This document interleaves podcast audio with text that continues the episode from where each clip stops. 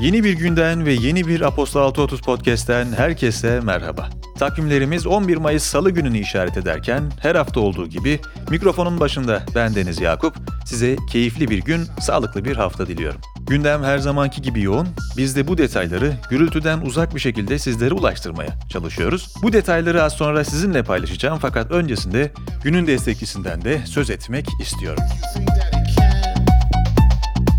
Şu anda kulaklarınıza ulaşan bültenin destekçisi Lifeco. Kendine iyi davranan, bedeninin ve zihninin ihtiyaçlarını dinleyen, sağlığa yaklaşımında önleyici bir metot izleyen, başarılı isimlerin ihtiyaçlarını anlayarak hayattan maksimum performans almalarını sağlayan The Lifeco Wellbeing sizleri unutulmaz bir sağlık yolculuğuna davet ediyor. Ayrıntılar bültende diyorum ve sizi gündemle baş başa bırakıyorum. Keyifli dinlemeler. Covid-19 Haftalık verilere göre İstanbul, Kastamonu, Tekirdağ, Zonguldak, Erzurum 100 bin kişide en çok COVID-19 vakası görülen iller arasında yer aldı. 10 Mayıs'ın COVID verileri ise şöyle. Vaka sayısı 13.604. İyileşen sayısı 26.953. Sıcak gündem.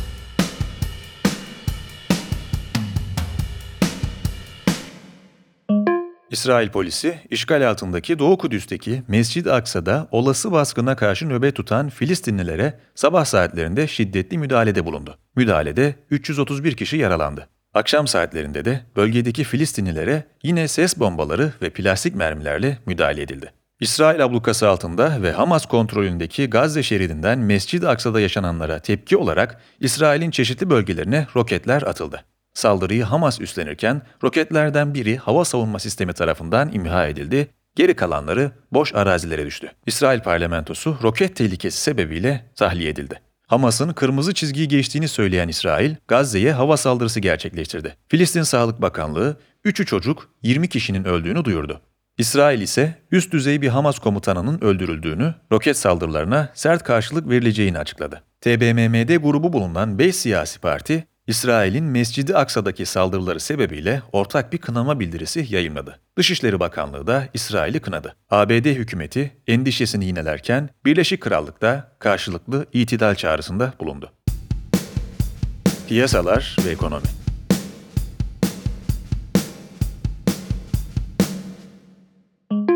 TÜİK, Enflasyon Araştırma Grubu'na yönelik suç duyurusuna ilişkin yayınladığı kamuoyu bilgilendirme metninde şikayetin grubun ulaştığı sonuçlar değil, verilerin toplanma ve işlenme yöntemi nedeniyle yapıldığını açıkladı. Açıklamada 5429 sayılı Türkiye İstatistik Kanunu'nda yer alan şu ifadeye atıfta bulunuldu. İstatistiki sonuçlar içeren araştırma faaliyetleri yürüten gerçek kişiler veya özel hukuk tüzel kişiliğine sahip kuruluşlar, araştırmalarının sonuçlarını basın ve yayın yoluyla kamuoyuna açıklamaları halinde araştırmanın kapsam, örnekleme yöntemi ve örnek hacmi, veri derleme yöntemi ve uygulama zamanını araştırma sonuçları ile birlikte kamuoyuna açıklamakla yükümlüdürler. ABD hazinesi eyalet hükümleriyle yerel ve bölgesel hükümetler için 350 milyar dolarlık pandemi desteğini erişime açtı. Hazine, kaynakların kamu sağlığı hizmetlerini desteklemek, pandeminin ekonomik etkileriyle mücadele etmek ya da altyapı projeleri geliştirmek için kullanılabileceğini belirtti. Almanya merkezli araştırma şirketi Sentix'in yayımladığı Avro Bölgesi Genel Yatırımcı Güven Endeksi bu ay 21 puanı yükselerek Mart 2018'den bu yana en yüksek düzeye geldi. Sentix, bölgede ekonomik toparlanmanın devam ettiğini belirtti ve pandemi kaynaklı resesyonun aşıldığı yorumunda bulundu. Demir cevheri fiyatları dün Asya emtia piyasalarında %10'dan fazla artışla ton başına 230 dolara yaklaşarak rekor seviyelere geldi. Analistler ekonomik toparlanmaya ilişkin artan beklentilerin piyasaları olumlu etkilediğini ve çelik endüstrisinin küresel çapta güçlendiğini ifade ediyor. İş Dünyası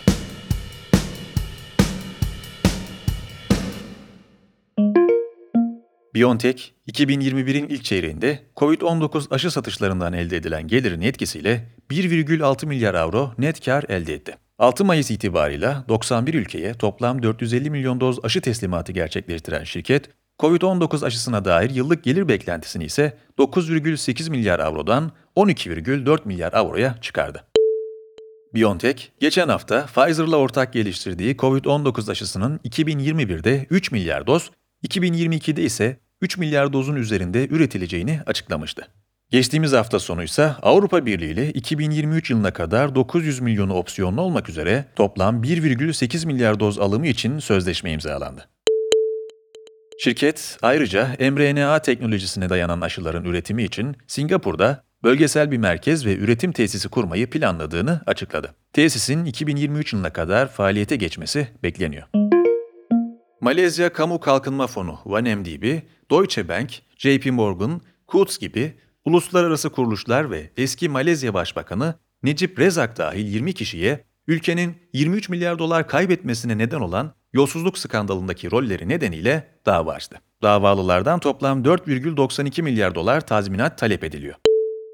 OneMDB 2009'da yabancı yatırımlar ve uluslararası işbirlikleri aracılığıyla ülkenin kalkınmasına destek olmak amacıyla kuruldu. 2015'te fondaki kaynakların bazı üst düzey fon yöneticilerinin zimmetine geçirildiğini gösteren dökümanların sığdırılmasının ardından ABD Adalet Bakanlığı tarafından bir soruşturma başlatıldı. Soruşturma kapsamında dolandırıcılık olayındaki payı sebebiyle Goldman Sachs 3,9 milyar dolar, Deloitte ise 80 milyon dolar tazminat ödemeye razı oldu. Borsa İstanbul'da geçen hafta talep toplayan Kalekim ve Penta Teknoloji'nin halka arz sonuçları açıklandı. Ek satışla birlikte 34,5 milyon adet hisse satan Kalekim'in halka arz büyüklüğü 509 milyon lira oldu. 18,4 milyon adet payın 32 liradan satıldığı halka arzda Penta Teknoloji 588 milyon lira gelir elde etti. UBS, varlıklı müşterilerine kripto varlık enstrümanı sunmak için seçenekleri değerlendiriyor. Bloomberg'un konuya hakim kaynaklara dayandırdığı haberine göre, kripto paralardaki volatilite nedeniyle büyük yatırımcıların portföylerinin yalnızca küçük bir miktarıyla kripto para yatırımı yapmalarına imkan tanınacak. Goldman Sachs bu hafta yatırımcılarına Bitcoin fiyatlarına bağlı türev enstrümanları sunmaya başladı. JP Morgan ise önümüzdeki aylarda müşterilerine Bitcoin fonu hizmeti sağlamayı planlıyor.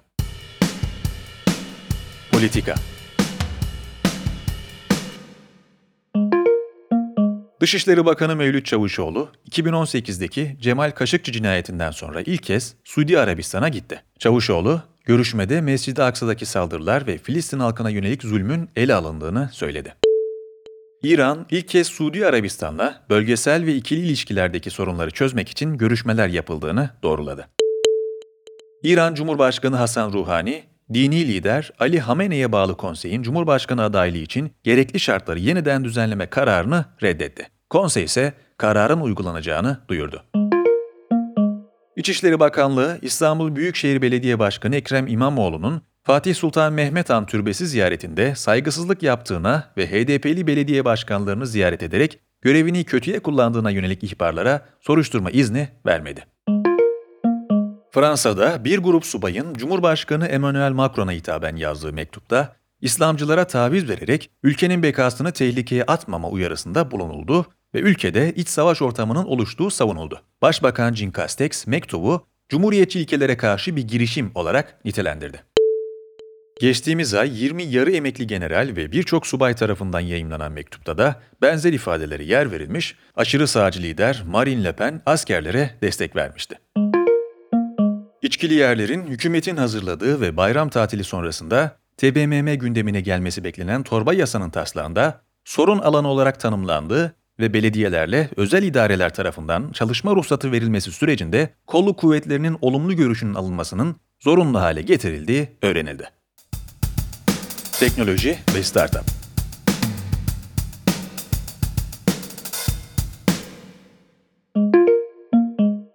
SpaceX, Ay'a göndereceği Doge 1 uydusunu Dogecoin ile finanse edecek ve uydu 2022'nin ilk çeyreğinde Falcon 9 roketiyle fırlatılacak. Spotify, kullanıcıların mobil uygulamadaki podcastlerin belirli bir zamanını paylaşmalarını sağlayan zaman damgası özelliğini duyurdu.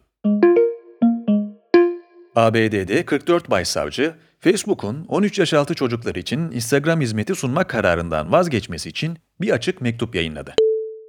Mektupta sosyal medyanın küçük çocuklar üzerindeki olumsuz etkilerine dikkat çekilirken, Facebook'un bir ihtiyaca cevap vermek yerine bir ihtiyaç yaratarak normalde Instagram hesabı olmayan veya olmayacak çocuklara hitap etmek istediği iddia edildi. Spor gündeminin önemli detaylarını bugünün bülteninden inceleyebilirsiniz. Günün hikayesi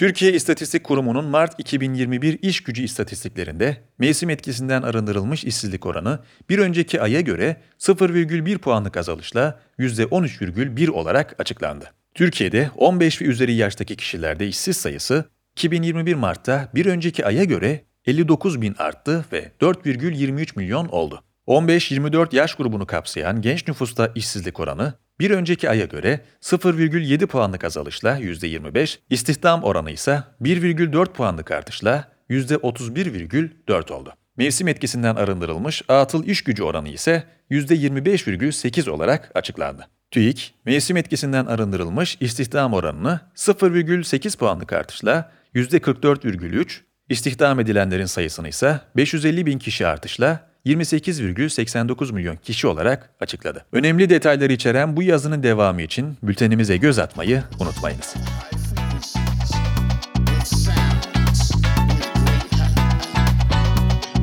Bir yayının daha sonuna geldik. Ben Yakup. Gününüz umarım keyifli ve sağlıklı geçer. Perşembe günü görüşünceye kadar kendinize iyi bakın. Sevgiler.